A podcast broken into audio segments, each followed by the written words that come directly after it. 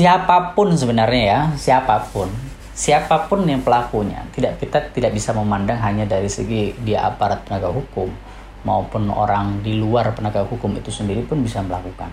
Cuman faktor ada penegak hukum tadi itu sebenarnya justru uh, lebih mendukung orang itu untuk ikut. Kenapa? Karena bisa jadi ada yang mimingnya loh, suamiku polisi kok.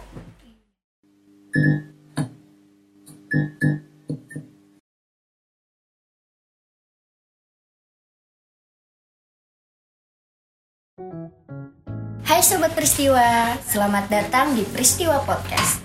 Podcast kali ini bareng Bella dan Pikri Gimana kabarnya Pikri hari ini? Alhamdulillah baik. Dan Bella sendiri gimana nih kabarnya? Alhamdulillah baik. Senang sekali hari ini kita bisa kembali menyapa kamu di Peristiwa Podcast. Dalam podcast kali ini kita akan berbicara mengenai kasus penipuan berkedok arisan online Yang baru-baru ini terjadi di Banjarmasin. Hari ini tentunya kita nggak cuma berdua dong sudah ada narasumber kita yaitu Bapak Ali Murtado SHMH yang sudah berkenan hadir pada siang hari ini. Gimana Pak hari ini kabarnya? Alhamdulillah baik. Saya terima kasih ya sudah didatangin dari LPM Peristiwa. Ya. Nah, Bapak Ali Murtado ini pernah menjabat sebagai Ketua BEM FH WLM 2012 nih. Dan sekarang beliau telah berprofesi sebagai advokat dengan berafiliasi dengan beberapa kantor hukum nih. Nah, di podcast kali ini kita nih Pak akan membahas tentang masalah berita yang hot nih Pak hmm. tentang kasus arisan online. Yeah.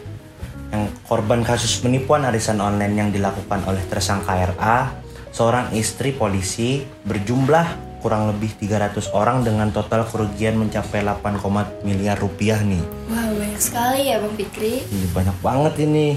Sebelumnya nih, RA ditangkap karena diduga menjadi bandar arisan online fiktif dalam menjalankan aksinya tersangka mengiming-imingi nih dengan korban dengan keuntungan yang berlipat nih jadi kalau misalnya kita cuman 100 ribu kayaknya bakal dapat satu juta nih katanya Wah, atas ya. perbuatannya ya. tersangka dijerat pasal 372 dan 378 KUHP tentang penipuan serta penggelapan Nah, sobat peristiwa, untuk lebih dalam mengenai kasus penipuan berkedok arisan online ini, hari ini kita langsung aja ke pertanyaannya. Menurut Bapak sendiri, apa yang melatar belakangnya terjadinya kasus penipuan arisan online ini? Apa sih sebenarnya motif tersangka melakukan tindakan penipuan ini? Rata-rata kalau seandainya kita melihat ya beberapa kasus penipuan maupun penggelapan itu rata-rata disebabkan karena faktor gaya hidup. Kenapa jadi saya sampaikan faktor gaya hidup? Ya, ada simbolnya yang menyatakan bahwa seberapapun banyak uang, kalau untuk hidup cukup. Tapi kalau untuk gaya hidup nggak akan cukup. Nah, faktor-faktor inilah yang mengaruhi orang untuk gimana berpikir cara cepat untuk bisa mendapatkan uang. Sehingga apa? Ya, segala cara dilakukan, salah satunya tadi melakukan penipuan, melakukan penggelapan. Dan faktornya lagi hal-hal ini didukung oleh masyarakat. Kenapa jadi didukung oleh masyarakat? Karena masyarakat juga pengen hal yang sama gitu lah. Coba kalau masyarakat tidak pengen hal yang sama, mungkin tidak ada korbannya gitu kan. Ya artinya melalui proses gitu. Kalau ini tidak mau proses ya seperti itu yang bisa dilakukan gitu kira-kira. Dengan gengsi yang tinggi juga. Gengsi yang tinggi. Karena ya terus terang kalau untuk gaya hidup itu costnya akan tinggi. Ya tinggal kita sesuaikan aja. Nah, kalau kita ada pepatah menyatakan uh, besar pasak daripada tiang. Iya. Itu juga salah satu simbol-simbol atau pepatah yang dulu bisa kita terapkan dalam hidup kita. Gitu. Nah, kalau itu tidak bisa diterapkan, ya akhirnya terjadilah hal-hal yang seperti ini juga. Jadi sebenarnya orang-orang dulu atau orang-orang tua kita dulu itu sebenarnya sudah mengajarkan hal-hal yang seperti itu. Tapi itu tadi, sekarang dengan era global sekarang, terus kemudian zaman online sekarang, jadi akhirnya orang pengen ya tadi instan. Tidak mau dalam prosesnya. Nah, itu yang akhirnya menyebabkan salah satunya itu tadi. Oh cepat gitu oh, ya. cepat gitu. Menggunakan kecanggihan yang sekarang. ah, kecanggihan yang sekarang. Terus kemudian memang ada peluangnya gitu ya. Terus dia dituntut dengan segala gayanya. Ya itulah yang akhirnya menyebabkan adanya arisan-arisan online berikut uh, penipuan ini gitu nah Gimana nih Pak tanggapan Bapak terhadap kasus penipuan arisan online ini yang sudah memakan korban banyak nih? dan dilakukan oleh anggota keluarga dari aparat penegak hukum? Uh, siapa pun sebenarnya ya, siapa pun, siapa pun yang pelakunya, tidak kita tidak bisa memandang hanya dari segi dia aparat penegak hukum maupun orang di luar penegak hukum itu sendiri pun bisa melakukan. Cuman faktor ada penegak hukum tadi itu sebenarnya justru uh, lebih mendukung orang itu itu ikut. Kenapa? Karena bisa jadi ada yang mimingnya loh, suamiku polisi kok. Iya. Kan gitu kan? Ya, atau suami uh, suami saya jaksa atau keluarga saya jaksa atau hakim sekalipun. Jadi ada embel-embel di belakangnya termasuk dalam profesi hukum itu juga membuat orang menarik. Bahkan itu membuat orang itu berpikiran ini lebih safety. Kenapa jadi safety gitu ya? Karena mereka ada namanya backingan tadi di belakang. Ah. maka akhirnya orang seolah-olah oh artinya ketika orang itu memiliki latar belakang hukum dia sudah mengkaji nih seolah-olah investasinya ditawarkan. Artinya dari segi legalnya sudah legal dan sebagainya kan. Tapi kalau seandainya misalkan tidak ada embel-embel itu itu agak sulit Terlepas ada juga yang ternyata di luar itu yang sifatnya ya sama juga ya kayak arisan atau investasi apa pun yang ujung-ujungnya ternyata penipuan dan penggelapan. Penipuan kenapa jadi penipuan dan penggelapan? Rata-rata dua pasal ini juga oh ya berpengaruh sekali lah nanti bedanya. Nah, nanti di selanjutnya kita bahas mengenai itu tentang pasal tadi penerapan pasal. Jadi konsepnya ini suami beliau ini punya jabatan gitu lebih iming-imingnya lebih kuat gitu pak ya? Karena yeah. terjamin ibaratnya ya. Ya karena gini uh, terlepas suaminya punya jabatan atau tidak tapi di satu sisi di situ ada menyangkut namanya penegak hukum ya.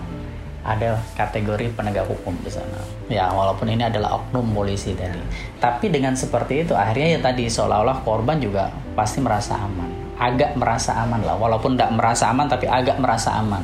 Kenapa? Karena tadi suaminya adalah seorang oknum polisi.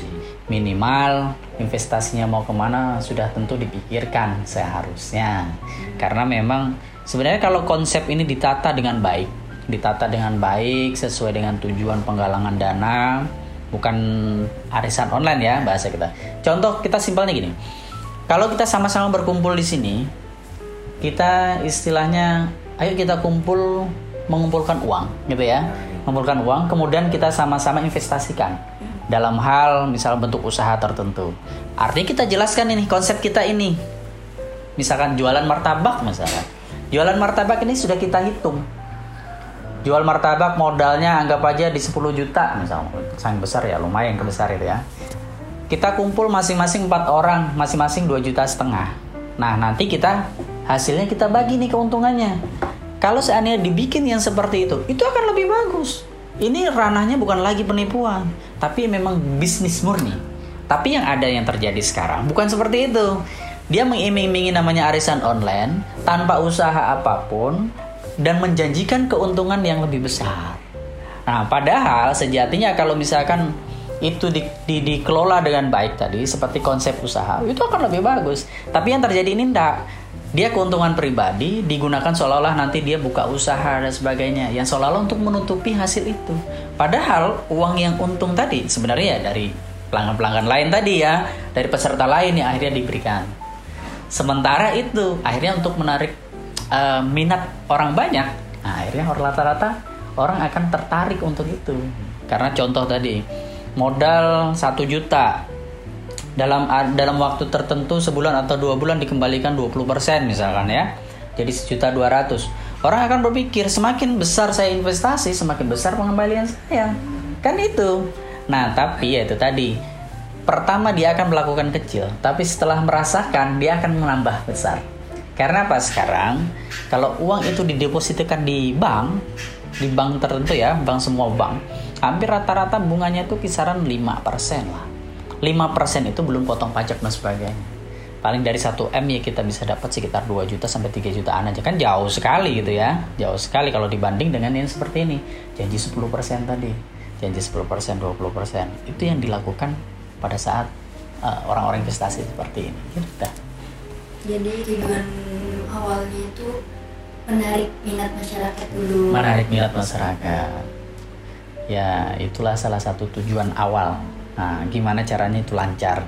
Dia berani mengeluarkan modal. Mengeluarkan modal terlebih dahulu untuk menutupi itu. Setelahnya baru dia akan dapat untung banyak gitu ya. Dulu pernah ada money game. Kalau pernah uh, apa rekan-rekan sekalian dengar ya mengenai money game. Money game itu sebenarnya permainannya hampir kurang lebih sama. Cuma dia lebih terstruktur karena menggunakan sistem. Money game itu ada dulu istilah MMM manusia membantu manusia. Ya, dulu ya keuntungannya 30% sampai ya, 20 sampai 30%. Itu akhirnya jadi korban apa? Yang terakhir. Terus habis itu ada for freedom. Itu juga sama, keuntungannya 10% per bulan. Sedangkan kalau logika kita, kalau untuk usaha, usaha itu rata-rata memang 10% itu paling besar. Paling besar. Cuman untuk usaha yang seperti itu harus bahasa kita tuh resikonya juga tinggi. Makanya mereka selalu menawarkan uh, iming-iming yang instan tadi, sehingga apa mereka akhirnya masuk lah untuk menginvestasikan itu. Itu banyak seperti itu. Mudah-mudahan nanti sekalian tidak masuk lah di situ ya. Masih aman. Masih waras ya. ya. Karena sebenarnya bukan masalah kewarasan enggaknya ya. Iya. Saya juga termasuk dulu pernah loh jadi korban itu dan saya juga termasuk dulu pelaku. Pelaku dalam artian saya ikut di dalamnya dan ikut coba memasarkan. Pernah gitu loh. Makanya jadi pengalaman itu. Dan setelah saya pelajari itu tadi ternyata konsepnya adalah konsep money game. Dan akhirnya saya cenderung keluar. Saya lebih baik di profesi saya tapi kalau seandainya ada orang yang seperti ini, orang melakukan arisan online, orang melakukan uh, investasi-investasi yang bentuknya online yang tujuannya adalah menjanjikan itu, saya bisa bantu gitu loh. Karena saya tahu sistemnya. Itu yang akhirnya saya ambil, makanya saya keluar dari zona itu. Gitu loh. Saya sempat di sini nih ya lumayan juga sih saya mengalami kerugian. Dan alhamdulillah dalam hal menjelaskan pada saat itu bedanya saya tawarkan juga mengenai resikonya resikonya yang saya tawarkan. Karena apa? Setiap keuntungan yang besar pasti ada resiko yang besar. Itu yang harus dicamkan dalam setiap usaha. Nah, tapi kalau misalkan itu ditawarkan dengan benar, disampaikan resikonya dengan benar, nah, insya Allah orang-orang tidak akan berbondong-bondong bahasa menyerang kita bahwa kita melakukan penipuan. Enggak. Tapi kalau kita uh, orang tersebut hanya menjanjikan keuntungan tanpa menyampaikan resiko, Nah, itu yang akhirnya cenderung lah itu namanya penipuan murni. Bisa dikatakan penipuan, bisa juga dikatakan penggelapan. Nah, itu kira-kira. Karena tadi jelas sudah Pak ya, Jelas. jelaskan resikonya. Iya, dijelaskan resikonya. Sebenarnya Pak, ada nggak sih pola atau kategori masyarakat yang bisa tertarik mengikuti arisan online? Kalau pola atau kategori masyarakat ya, polanya atau kategori masyarakat sebenarnya ah, hampir semua kalangan hampir semua kalangan ya ketika dijanjikan keuntungan itu secara murni secara alami dia akan tertarik. Coba setelah adik sekalian kan? Kita investasi 10 juta tadi ternyata habis itu dikasih keuntungan per bulannya. Per bulan loh ya bukan lagi per tahun. Per bulan misalkan dapat keuntungan 10% atau 20% tanpa melakukan apa pun. Pasti orang rata-rata iyalah daripada uangku nganggur di bank ya mendingan saya ambil kan gitu kan ya. Mendingan saya ambil. Itu yang sering dialami oleh semua orang. Termasuk orang kaya sekalipun. Ya alih-alih mereka mau investasi ternyata ketipu. Tapi di satu sisi sama akhirnya. Uh, memang dunia digital sekarang ini kan pengaruhnya banyak. Ada dampak positif dan ada dampak negatifnya tentunya ya. Karena dampak positifnya kita contoh lah kita contoh uh, aplikasi ya ini bukan iklan ya ya ini bukan iklan. Tapi ini aplikasi yang artinya sekarang booming. Ya. dulu dia ketika pertama muncul belum populer itu dia mengeluarkan dana yang begitu jor-joran. Kenapa saya bilang begitu jor-joran? Yang pertama dia menggunakan bonus kepada drivernya.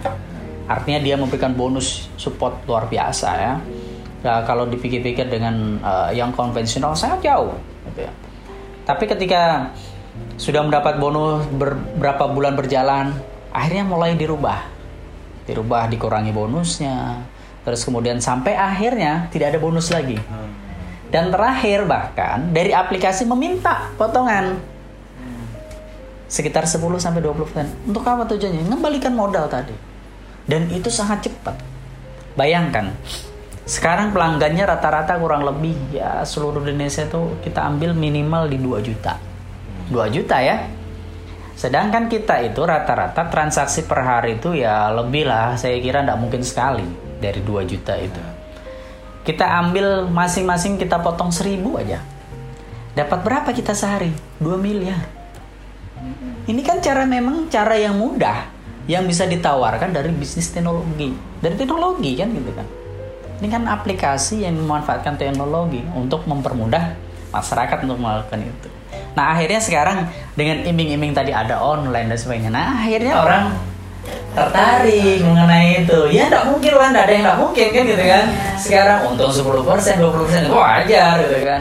Tapi itu tadi, kalau memang itu dimanfaatkan benar-benar, ya tidak jadi soal karena dia bisa memberikan itu. Tapi yang terjadi kan bukan dimanfaatkan benar-benar, tapi dimanfaatkan untuk kepentingan pribadi. Ini yang salah. Ini yang akhirnya salah. Dan di Kalimantan Selatan termasuk yang paling sering. Dulu ada perorangan ini yang namanya bisa disebutkan tidak apa-apa. Di ini aja. Ah, dulu ada arisan sebelum-sebelumnya itu namanya L. Itu sempat diproses sudah, sempat diproses dulu gitu juga. Sampai orang itu menggadaikan, menyandarkan investasi ke sana, dapat tadi keuntungan 10%. Itu akhirnya kalau itu secara manual dan dulu sempat dikelola secara baik di dalam investasi saham. Karena memang saham itu sangat menguntungkan bagi yang bisa. Makanya kalau misalkan anak-anak muda sekarang kan zaman teknologi sudah canggih, kalau mau belajar saham bagus gitu kan. Dan memang resiko saham itu ya sekali untung bisa banyak, sekali rugi juga bisa banyak. Tergantung kita yang memanfaatkan. Itu. Jadi kalau peluang banyak, resiko juga Resiko juga banyak. Iya. Lebih condongnya sih bahasa kita itu kalau kita mau keuntungan besar, resikonya juga besar. Nah itu. Benar. tinggal kita bagaimana cara kita memanfaatkan peluang itu dan memanage risiko itu ya. Nah, menurut update dari berita nih Pak, tersangka kan dijatuhi pasal 372 dan 378 tentang penipuan serta penggelapan. Menurut an Bapak nih, apakah penjatuhan pasal tersebut sudah tepat nih Pak? Ya, yang pertama mengenai penyebutan pasal, pasal 372 dan 378. Ini kalau kita orang-orang hukum eh, tidak ada 307 sekian lah. Jadi eh, orang hukum harus eh, mempermudah Ya. mempermudah dalam hal penyebutan dan uh, pengertian ya.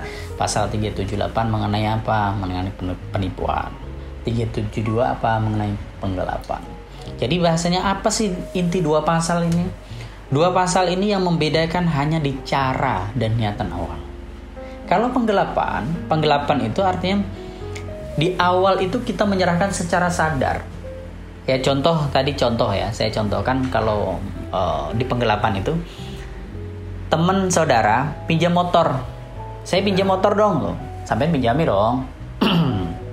Ketika sudah dipinjami karena memang tujuannya minjam ya udah pinjami. Tapi ternyata habis itu dibawa kabur dan dijual.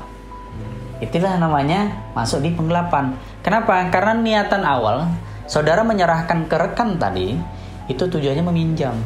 Jadi secara sadar sampai meminjamkan. Jadi akhirnya apa? Karena tanpa seizin di- di- dijual atau dialihkan ke orang lain, nah itu namanya penggelapan. Kalau penipuan gimana? Kalau penipuan itu diawali dengan namanya bujuk rayu. Bujuk rayu, keuntungan besar tadi itu kan salah satunya ya, tipu muslihat itulah adalah salah satunya dengan rangkaian-rangkaiannya. Yang akhirnya apa? Yang dengan membohongi salah satunya. Yang akhirnya saudara menyerahkan barang tadi itu. Ya contoh tadi motor, investasikan aja motormu. Bisa juga ya, sama-sama motor ya. Kamu jual aja lah motormu. Nanti kita investasikan ke sini. Ya akhirnya apa?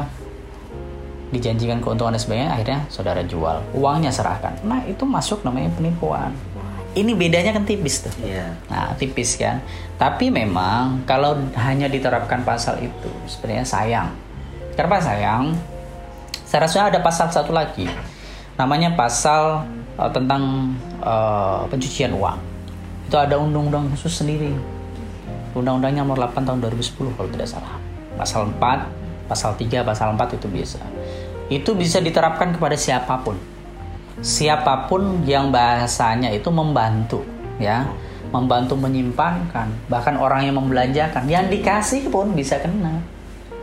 Tapi sepanjang dia mengetahui bahwa itu adalah hasil dari kejahatan. Yang jadi pertanyaan, kalau seandainya misalkan suami istri atau keluarga sekalipun yang menikmati gimana? Seharusnya bisa diterapkan. Kenapa? Paling tidak minimal keluarga itu mengetahui pekerjaannya apa. Itu bisa dilihat. Contoh saya contohkan tadi kalau untuk yang sekarang lagi rame ya. Suami istri ya, suaminya polisi, istrinya tidak tahu pekerjaannya apa ya. Kita nggak tahu ya. Ternyata dia punya uang miliaran. Yang jadi persa yang jadi pertanyaan kan seharusnya kan yang pertama kalau polisi gajinya berapa? Iya. Gitu ya. Polisi gajinya berapa? Contoh 5 juta. Artinya kalau setahun bisa dikalkulasi dia punya punya uang cuma berapa? Sekitar 60 juta. Satu tahun. Sekarang istrinya anggap aja dia kerja juga di luar dengan gaji berapa? 5 juta misalnya. Artinya setahun dia bisa dapatkan kurang lebih sekitar 120 juta tanpa digunakan apa pun. Tanpa digunakan apa pun. Nah, yang jadi pertanyaan sekarang, gimana ceritanya dia bisa punya uang banyak dengan hidup yang glamor tanpa pekerjaan yang lain? Padahal yang kita lihat itu pekerjaan cuman ya seperti itu gitu. Tidak sebanding dengan tidak sebanding dengan hasil Kehidupannya. kehidupan yang ada ya. Itulah yang akhirnya sa, sa- paling tidak ketika kita ditawarkan minimal kita telusuri orangnya dulu. Contoh kalau misalnya kita ditawar investasi batu bara bener gak sih orangnya main batu bara kan gitu ya. Nah, harus tahu dulu kita latar belakang orang yang nawarin. Harus jelas gitu harus jelas ya history atau story orang itu minimal kita tahu. Ya kredibilitas orangnya minimal kita tahu. Ya setidaknya tadi kita tahu CV-nya lah. Kayak Mbak Bella tadi kan paling tidak tanya dulu kan Bang Ali ini eh, ternyata satu MTS sama saya kan gitu kan minimal tahu kan gitu ya. Tapi kalau nggak tahu dia nggak mungkin percaya sama saya gitu kan. Tapi ketika tahu sudah tahu backgroundnya dan sebagainya ya nggak jadi soal tapi yang terjadi ini kan kalau di kasus ini menariknya orang-orang terdekat juga jadi korban. Iya. kan gitu ya? orang-orang yang terdekat jadi korban. Kenapa? Pertanyaannya gitu kenapa jadi korban? Kan bisa jadi yang pertama karena kita teman ya terlalu dekat dan kita ngelihat "Eh, ini teman kok ternyata sudah signifikan ya cepat signifikan ya. Apa sih yang menjadikan dia itu eh, apa jadi cepet jadi kaya gitu ya itulah yang akhirnya teman ini nggak sadar juga. Nggak menelusuri dulu. Akhirnya karena dia ya udahlah dia royal dia no udah aku ikut aja deh. Karena percaya tadi. Justru seperti itu yang akhirnya jadi eh, korban gitu loh. Jadi orang-orang terdekat jadi korban. Padahal seharusnya orang terdekat itu paling tahu. Paling tahu dan paling mengerti kondisi yang sebenarnya. Jangan sampai bahasanya kita justru kita orang dekat, kita tidak membantu dalam hal paling tidak mengingatkan lah. Seharusnya seperti inilah, seharusnya seperti ini itu.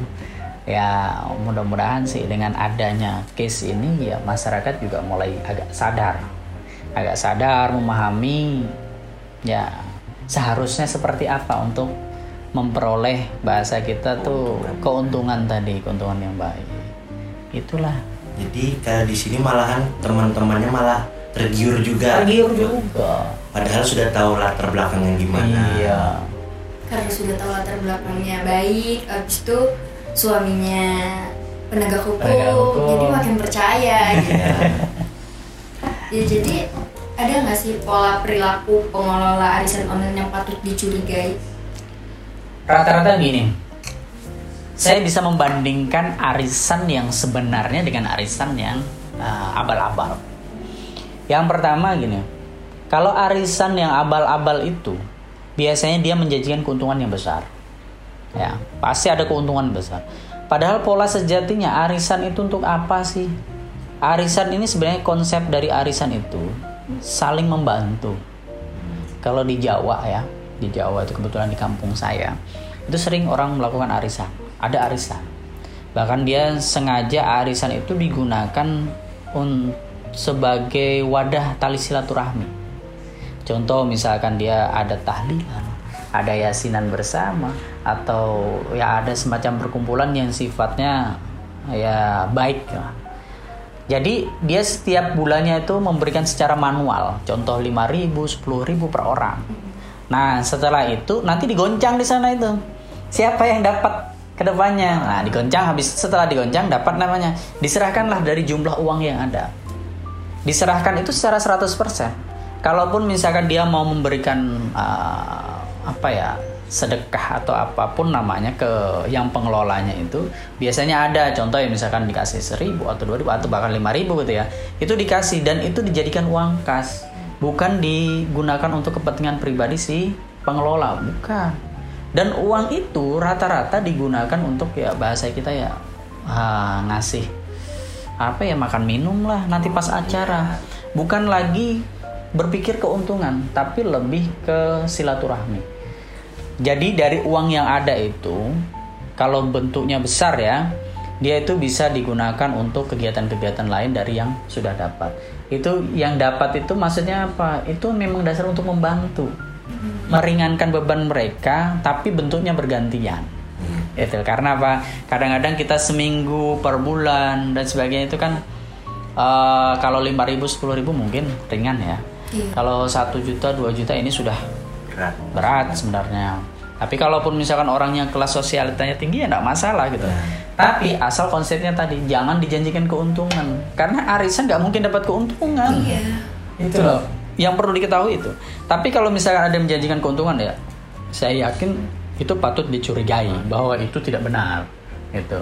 Kecuali tadi saya sampaikan di awal tadi kita kumpul-kumpul rame-rame, kita buat investasi dan buat uh, membentuk suatu usaha, terus kemudian kita jadikan usaha itu dan keuntungan kita bagi, boleh itu, tak masalah. Tapi kalau sudah judulnya arisan, menjanjikan iming-imingnya keuntungan, nah itu patut dicurigai sih. Itu, ya, itu yang sebenarnya membedakan. Nah, arisan ini ibaratnya berputar aja Berputar aja uang, saling bergantian ya. tadi ya yang jadi persoalan kan kalau seandainya misalkan setelah dapat uang setelah dia dapat giliran ya uh. contohnya. Terus habis itu dia nggak bayar lagi gimana? Nah, nah itu. Itu sering juga terjadi iya. arisan bayar. Hmm, itulah yang akhirnya kadang-kadang uh, apa ya komitmen dari yang bersangkutan itu juga harus bisa dipegang harus kalau harus dipegang ya nggak bisa gitu. Makanya arisan-arisan yang ada itu biasanya dia uh, pakai bahasanya kita itu apa ya? Rata-rata kalau di kampung itu mereka ada budaya malu. Hmm. malu untuk tidak melanjutkan itu. Malu untuk tidak meneruskan gitu loh. Karena mereka merasa sudah terbantu ya akhirnya mereka harus meneruskan itu gitu. tapi kalau di online gimana cara pertanggungjawaban? Ya bisa hilang hilang sudah. Karena sudah dapat merasa sudah dapat sudah. Itu yang akhirnya pengelolanya cari cara gimana caranya untuk menutupi itu. Padahal ya bagusnya, baiknya itu kalau namanya arisan itu ya memang orang-orang yang dikenal. Karena tadi menghindari hal-hal yang semacam itu. Banyak ini arisan-arisan yang akhirnya terpuntal gara-gara itu. Istilahnya kabur langsung. Kabur ya. langsung. Ya mungkin sobat peristiwa juga ada yang nanya ya apa sih bedanya arisan online sama investasi dan mungkin judi online gitu apa sih bedanya dari mereka gitu? Kan terlihat sama, sama. ya. Hampir mirip lah. Ya, atau kita gimana gitu? Jadi kalau dibilang arisan online ya tadi ya konsep arisan arisan yang benar ya. Arisan yang benar tadi sudah saya sampaikan. Arisan itu nggak ada namanya keuntungan. Keuntungannya hanya apa ya? Bahasa kita ya sila, bisa silaturahmi dengan teman-teman. Kalau sifatnya online ya agak sulit kecuali virtual dan sebagainya. Tapi untuk menanamkan kepercayaan itu itu agak sulit terhadap orang lain yang kita belum kenal. Makanya saya bilang tadi uh, konsep arisan tadi lebih cenderung manfaatnya adalah silaturahmi dan saling membantu antar sesama. Tapi resikonya tadi kalau online kalau online tadi salah satunya orang bisa kabur. Gimana kalau kabur? Seharusnya bisa tadi dijerat pasal termasuk pasal penggelapan ini tidak masalah. Kita bisa lakukan itu. Tapi di satu prosesnya kan agak panjang. Tapi kalau dengan judi online nah judi online beda lagi. Kenapa jadi beda? Kalau namanya judi itu sudah peruntungan. Yeah. dan mohon maaf judi termasuk tidak pidana. Peruntungan gitu ya. Itu ada diatur dalam KUHP juga pasal 303 itu juga sudah ada aturannya. Dan tidak boleh makanya judi itu rata-rata mereka juga sembunyi-sembunyi Iya. karena perbuatannya sudah melanggar hukum. Dan itu mereka tahu resikonya. Resikonya apa? Ya memang bisa kalah bisa menang. Namanya judi kan gitu kan. Mereka nggak akan bisa menuntut ke mana pun karena dia yang dilakukan adalah perbuatan melawan hukum sendiri. Itulah yang membedakan ya antara judi online dengan tadi investasi atau arisan yang bersifat online. Jelas sangat amat berbeda. Dan ini eh, perbedaannya judi online-nya lebih signifikan. Tadi dia sudah tahu resiko di awal. Dia sudah tahu resiko di awal. Dia bisa menang dan dia bisa kalah. Jadi dia bisa menghitung dong gimana kira-kira aku ikut ini menang nggak? Kalau misalkan menurut dia menang walaupun hasilnya kalah ya udah gitu kan? Tapi kalau untuk arisan namanya karena sifatnya gantian ya. Gantian ya seharusnya dia bisa dapat giliran. Berbeda lagi dengan investasi tadi. Kalau investasi lain lagi ceritanya ya seperti konsep awal saya tadi. Ayo kita konsep investasi, baik itu berupa membentuk aplikasi atau yang konvensional sekalipun. Asal jelas, asal jelas konsepnya dan memang dijalankan. Walaupun merugi, ini tidak masalah. Pengelola tidak bisa dijerat dengan tindak pidana penggelapan atau penipuan. Tapi ya tadi konsepnya harus jelas. Contoh saya tadi, kalau tadi lingkupnya martabak ya, martabak. Tapi ini bisa jadi lebih besar lagi misalkan. Kita investasi eh, bisa moda angkutan darat misalkan yang lebih besar itu ya. Sepanjang ternyata uangnya itu digunakan investasi untuk itu, satu misalkan dibelikan barang ya, sudah memang untuk menunjang itu, sudah jalan, kemudian rugi, itu nggak bisa si investor atau pengelola ini menuntut eh, sorry investor tadi menuntut pengelola mengenai penipuan dan penggelapan. Tidak bisa. Kenapa? Karena sudah dijalankan sebagaimana mestinya. Berbeda tadi ketika investor masuk memberikan uang dan ternyata uangnya digunakan untuk kepentingan pribadi. Bukan dibelikan alat untuk yang seperti dijanjikan untuk menunjang itu enggak itu baru bisa dijerat termasuk tadi penipuan penggelapan. bisa ditambah satu lagi uangnya ke mana dikemanakan dan sebagainya. itu bisa masuk namanya tidak pidana pencucian uang itu salah satu cara untuk mengaburkan hasil dari kejahatan nah itu kalau mau memisikan makanya yang sekarang lagi booming di nasional eh, Crazy Rich Iya. nah yang Crazy Rich dari Medan Itu gimana tuh? Dia awalnya ngomongnya investasi online. Hmm. Ternyata setelah ditelusuri jadinya jadinya gitu ternyata kan yang jadi persoalan kan aplikasinya yang ternyata eh, tidak mendapat izin Iya. Atau bisa jadi dikategorikan ilegal. Gitu ya. Padahal kalau dia ilegal gak ada jadi soal. Yang jadi persoalan kan ilegal gitu lah. Kalau itu legal ya contoh tadi aplikasi sebelahnya yang sekarang jadi booming ya. Iya. nah itu ternyata kan ya tidak masalah. Kalau ya rivalnya ada juga yang satunya dari investasi walaupun luar negeri ya.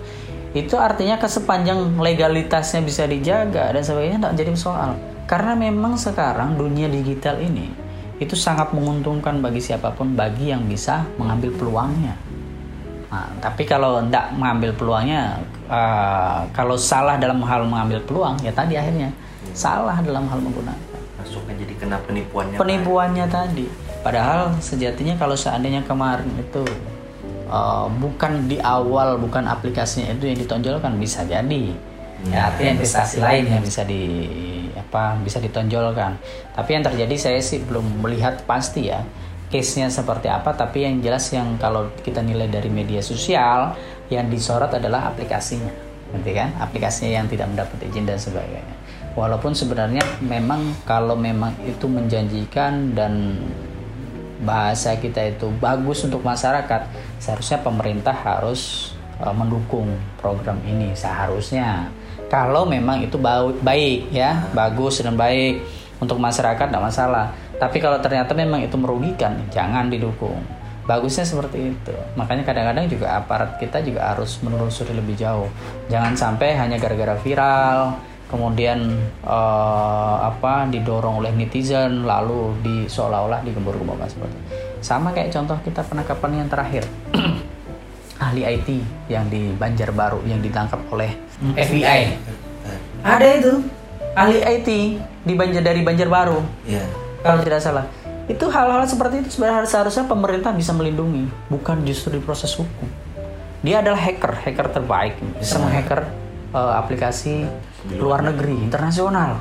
Ini seharusnya kan bisa dimanfaatkan atau bisa diberdayakan untuk pemerintah siapa? Orang-orang kita ini kan pintar. Orang Indonesia ini pintar loh. Cuman mencari tempat penyalurannya lagi gitu. artinya pemerintah harus membuka tempat ya untuk memberdayakan menyalurkan bakat-bakat mereka gitu loh. Salah satunya yang tadi kalaupun ada aplikasi online apa pun itu bisa difasilitasi. Ini membuka peluang lapangan kerja juga untuk masyarakat itu tentunya. Dampak positifnya Nah terakhir nih Pak Ya. pertanyaannya. Jadi apa pesan yang ingin Bapak sampaikan kepada masyarakat terkait kasus penipuan yang tadi berkedok arisan online lah? Dan ini tindakannya apa yang kita lakukan sebagai masyarakat nih untuk tidak melakukan lagi? Kayak Jangan sampai kasus ini terulang kembali. Yang pertama eh, pesan saya kepada masyarakat ya, pesan saya kepada masyarakat tentunya jangan pernah tergiur dengan keuntungan yang besar tanpa melihat apa pun investasinya ya. Art- eh, artinya kalau seandainya misalkan mau keuntungan besar, eh, resikonya juga besar. Jadi harus coba ditelusuri dulu kalaupun ada yang menawarkan investasi. Kalau untuk arisan sifatnya online dan memberikan keuntungan saya tidak menganjurkan. Karena apa? Itu sudah dapat dipastikan bahwa itu pasti merugikan. Dan yang rugi adalah orang-orang yang terakhir ikut serta. Karena bisa jadi tadi orang yang dapat pertama, kedua dan sebagainya bisa jadi langsung kabur. Dan cenderung hal-hal kayak gini mencarinya yang nggak sulit. Terus yang kedua bagi pelaku, bagi pelaku, ya sebagaimana semboyan saya sampaikan pertama tadi, ada semboyan tua yang dinyatakan orang-orang tua kita dulu ya. Saya saya sampaikan besar pasak daripada tiang satu. Terus yang kedua, seberapapun uang saudara kalau digunakan untuk hidup insya Allah cukup. Tapi kalau untuk memenuhi gaya hidup, seberapapun seberapa besar pun uangnya tidak akan cukup. Maka kalau misalkan masyarakat pelaku atau mau melakukan hal-hal kayak gini, coba diulang-ulang lagi lah, dipikir kembali. Karena apa? Resikonya besar. Selain dari ada pasal penipuan tentang penggelapan, juga ada juga namanya pasal tindak pidana pencucian uang. Dan ini mohon maaf, yang bisa dijerat bukan hanya dari uh, pelaku sendiri, tapi keluarga juga bisa masuk. Termasuk ya orang-orang terdekat kita yang tentunya tahu dan membiarkan dan mohon maaf dan ikut menikmati. Nah, itu yang bahaya loh. Jadi jangan sampai kita melakukan keluarga kita juga menjadi korban. Kalau kita mau bahasa untuk kita sendiri sih tidak apa-apa mungkin ya. Kita berani menyandang sendiri gitu ya. Tapi kalau sudah melibatkan keluarga orang-orang terdekat kita itu harus coba dipikirkan kembali. Nah itulah uh, kalau pesan saya untuk masyarakat yang pertama tadi kalau untuk ditawarkan untuk investasi yang iming-imingnya uh, keuntungannya besar, coba dipikir kembali karena investasi yang keuntungannya besar, resikonya pasti besar. Kalaupun misalkan benar-benar ada usahanya, tidak jadi persoalan. Karena apa? Sudah tahu resikonya. Tapi kalau tidak ada usahanya, kalau saran saya jangan. Saran saya jangan. Karena apa? Itu sudah pasti ya hanya janji-janji semata lah. Tinggal nunggu waktu aja. Kalau bagi pelaku tadi, jangan sesekali lagi lah. Karena pasal tentang pemiskinan atau memiskinkan orang itu, itu bisa saja diterapkan. Dan itu akan memutarbalikkan fakta yang sebenarnya bahwa kita ini yang di atas tadi bisa terbalik sama sekali terbalik. Ya seperti apa yang terjadi salah satunya di Crazy Rich Medan tadi. Itu jadi contoh besar itu. Saya ingat itu bulan Januari kalau tidak salah ya. Dia betapa dipuji-pujinya. Oh sebagai orang yang kaya sekali. Tapi ternyata setelah bulan akhir Februari awal Maret dia betapa jatuhnya sama sekali. Semua hartanya disita dan sebagainya. Betapa malunya seperti itu. Itu adalah bentuk-bentuk sanksi sosial yang bisa diterima oleh yang bersangkutan. Oke, itu sementara. Oke, sobat peristiwa. Jadi pelajaran yang dapat kita ambil dari podcast kali ini yaitu jangan gampang tergiur dengan iming-iming keuntungan yang ditawarkan, apalagi dari orang yang baru kita kenal di media sosial. Kita juga harus bijak dalam mengambil setiap keputusan. Nah, karena udah panjang juga nih, mungkin udah waktunya kita menutup nih ya, Bella ya. Gimana? Oke Bang Fikri. Jadi terima kasih Pak Ali Ya, sudah sama-sama. memberi Mau. kesempatan kami untuk wawancara berbincang. Saya juga terima kasih. Mudah-mudahan apa yang saya sampaikan ini bisa memberikan manfaat baik bagi eh, be- apa adik-adik sekalian maupun bagi masyarakat umumnya yang mendengarkan podcast ini. Mudah-mudahan eh, ke depan tidak ada hal-hal seperti ini lagi. Tapi paling tidak ketika ditawarkan dan sebagainya mau jadi pelaku juga akan berpikir bisa meminimalisir dan bisa memikirkan kembali itulah ya. Oke. Oke. Ya mungkin sudah saatnya kita menutup acara podcast peristiwa ini. Terima kasih kepada sobat peristiwa yang sudah Sudah mendengarkan podcast sampai akhir. Dan Saya Fikri dan Bella. mengucapkan undur diri dan Terima terima kasih. kasih.